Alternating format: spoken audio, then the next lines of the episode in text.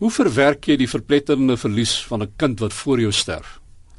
Die vraag het ons gister op monitor gevra en het 'n vloedgolf van reaksie van luisteraars ontketen. Meestal hartseer, soms wanhoopig. En die mees algemene reaksie, jy kom nooit daaroor nie. Ons praat vanoggend met iemand wat in sy werk as predikant gereeld mense van berading moet bedien, maar wat ook daardie vraag op 'n baie persoonlike manier moes beantwoord. Dr. Henk Gous, Henk, môre en welkom. Dis lekker om by julle te kuier, Kobus. Hoe verwerk jy so iets? Dis maar moeilik.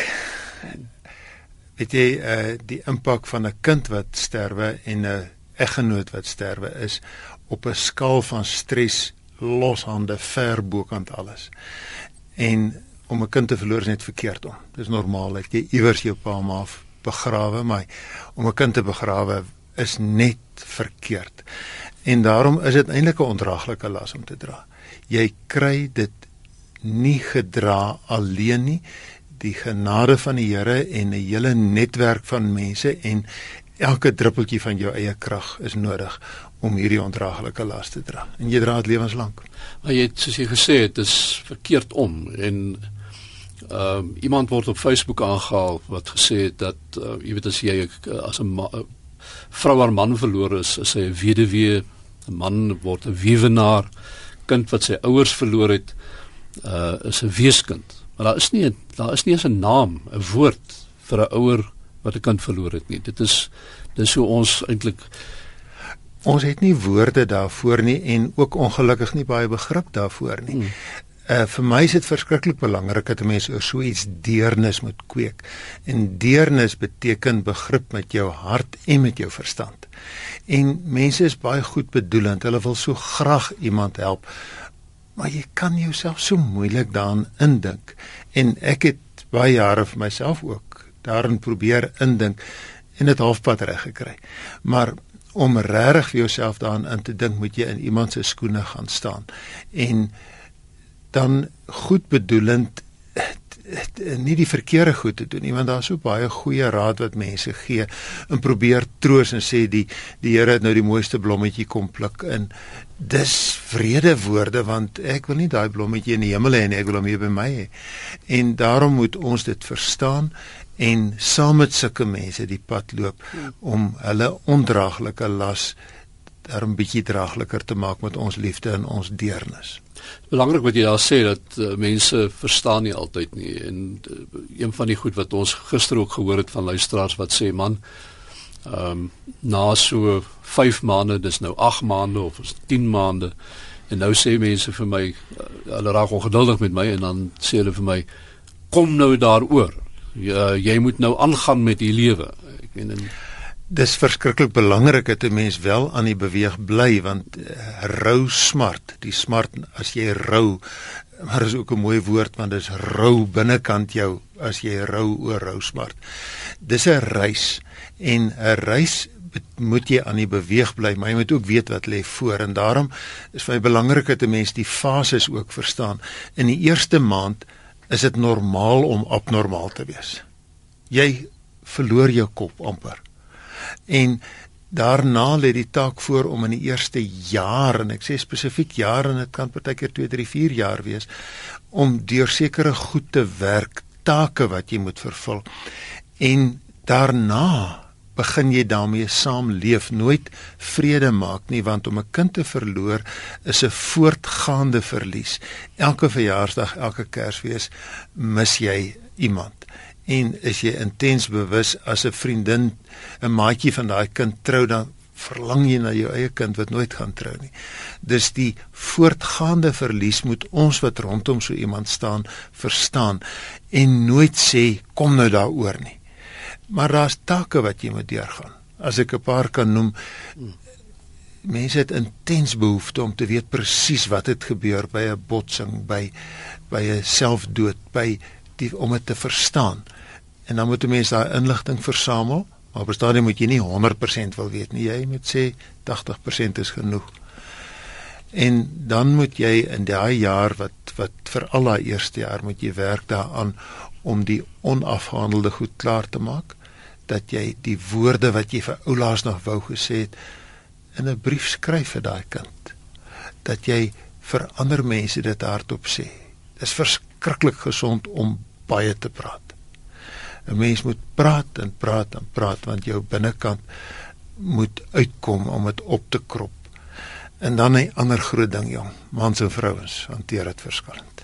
Ek wou vir jou nou gevra want uh dit kan 'n geweldige druk ook op 'n huwelik plaas ook as die ding nie reg gedoen word nie. Die druk is so groot dat daar die syfer genoem word van 70% van pare wat 'n kind verloor skei op 'n stadium. En daai enorme syfer sê net hulle gaan elkeen deur pyn maar op so verskillende manier dat dat hulle mekaar verloor op die oomblik wat hulle mekaar die nodigste het. Man se normale styl is jy probeer dit dooddruk en vergeet en jou doodwerk.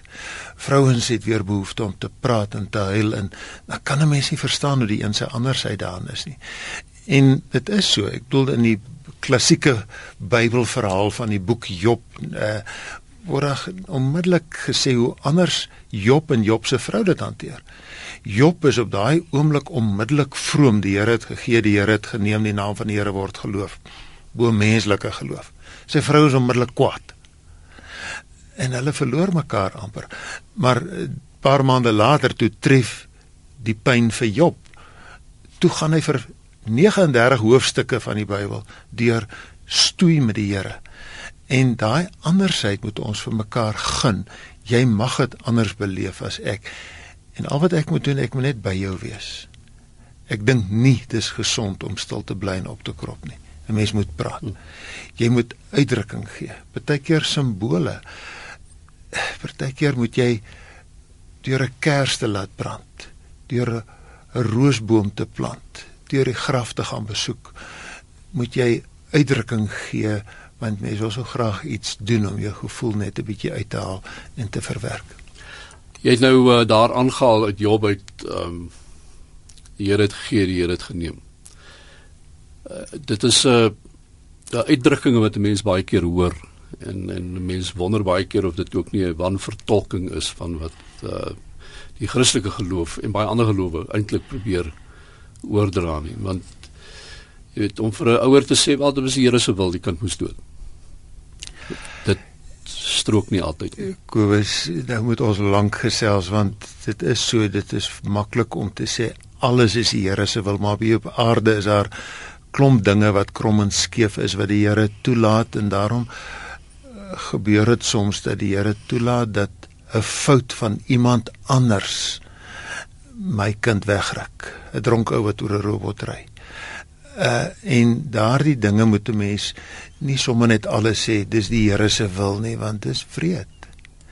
En ons moet net sê die Here dra my deur hierdie ver, verskewe wêreld totdat daar 'n tyd kom wat ek by hom is.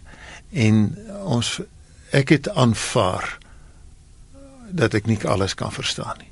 En daarom moet ons nie vir iemand anders sê hier is die antwoorde verstaan dit nie my vrou se pragtige woorde is ek verstaan nie alles nie maar daar's 'n paar goed wat ek verstaan naamlik ek moet die Here lief hê ek my naaste lief hê en myself lief hê. En as ek op hierdie drie goed fokus vir die res van my lewe gaan ek afval besig bly. Ek hoef nie alles te verstaan nie. Maar is daar want ek ek luister na jou en en soos ek gesê het julle persoonlike ervaring hiervan met jou dogter wat is is is 'n is 'n dood. Um, Maar is daar genoeg mense, is daar genoeg berading beskikbaar vir mense daar buite wat met hierdie vrae worstel, wat met hierdie wat deur hierdie trauma gegaan het? Uh mense kry net die idee soms dat selfs baie dominees en maatskaplike werkers en sulke mense verstaan nie altyd hierdie situasie nie wat hier vereis word nie dit is regtig iets wat al die helpers probeer verstaan en ek self ook het. Ek het gesê ek het probeer verstaan. En daarom is dit sodat die daar 'n groep mense is wat die heel beste helpers is en dis die groep ouers wat dit saam deurgemaak het en uh, gister se gesprek oor compassionate friends en Facebook se candle parents en sulke groepe en sy eie Bybelstudiegroepe of selgroepe van ouers wat kinders verloor het help mense ontsettend baie omdat jy hierso reg kan praat met iemand van wat verstaan.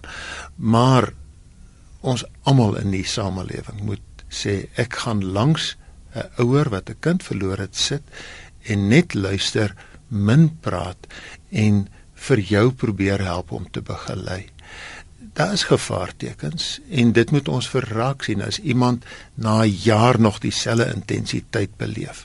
As iemand weier om te praat, as iemand onophoudelik praat, dan moet 'n mens sê kry hulp, gaan na 'n beraader toe, gaan kry terapie. Dis 'n wyse mens veral mans wat dit nie wil doen nie.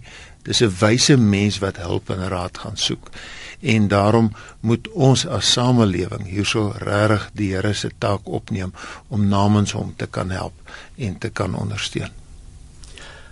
Buiten ons het nou uh, oor oor basies oor kerklike hulp ook gepraat hier en so maar buiten dit daar's baie mense wat nie binne die kerk is nie wat ook ver oggend luister. Ehm um, wat sê ons vir hulle? Ek kon dit net dra omdat ek as gelowige by die Here hulp gekry het. Maar daar is gewone helpers nodig en daarom is dit belangrik dat ons as samelewing doodgewoon deur vriend en vriendin te wees wat luister en ondersteun wat begrip het vir die fases van rou smart dat en ook professionele terapie 'n sielkundige 'n beraader mens moet gaan hulp vra. En as jy dit doen dan gebruik jy die die ondersteuning wat daar is.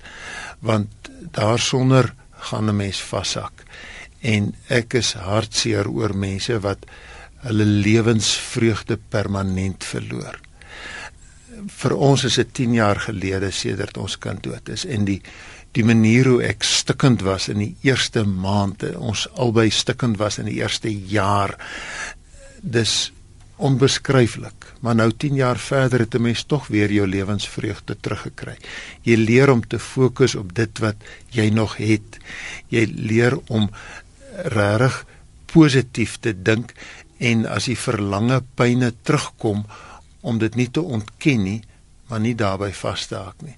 En as ons vir mekaar op daai manier help, gaan ons regtig by by iets verder uitkom.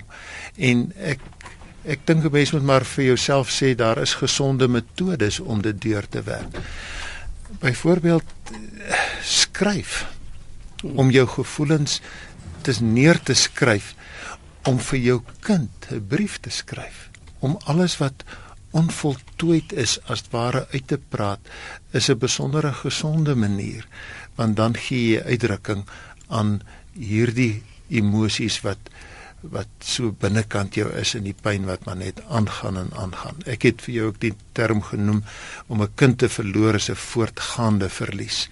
Jy mis mis dit lewenslank en dit kry nooit einde nie, maar en ek wil dit sê, die pyn hou nooit op nie, maar dit word sagter. Dit word die pyn pieke is verder uitmekaar uit.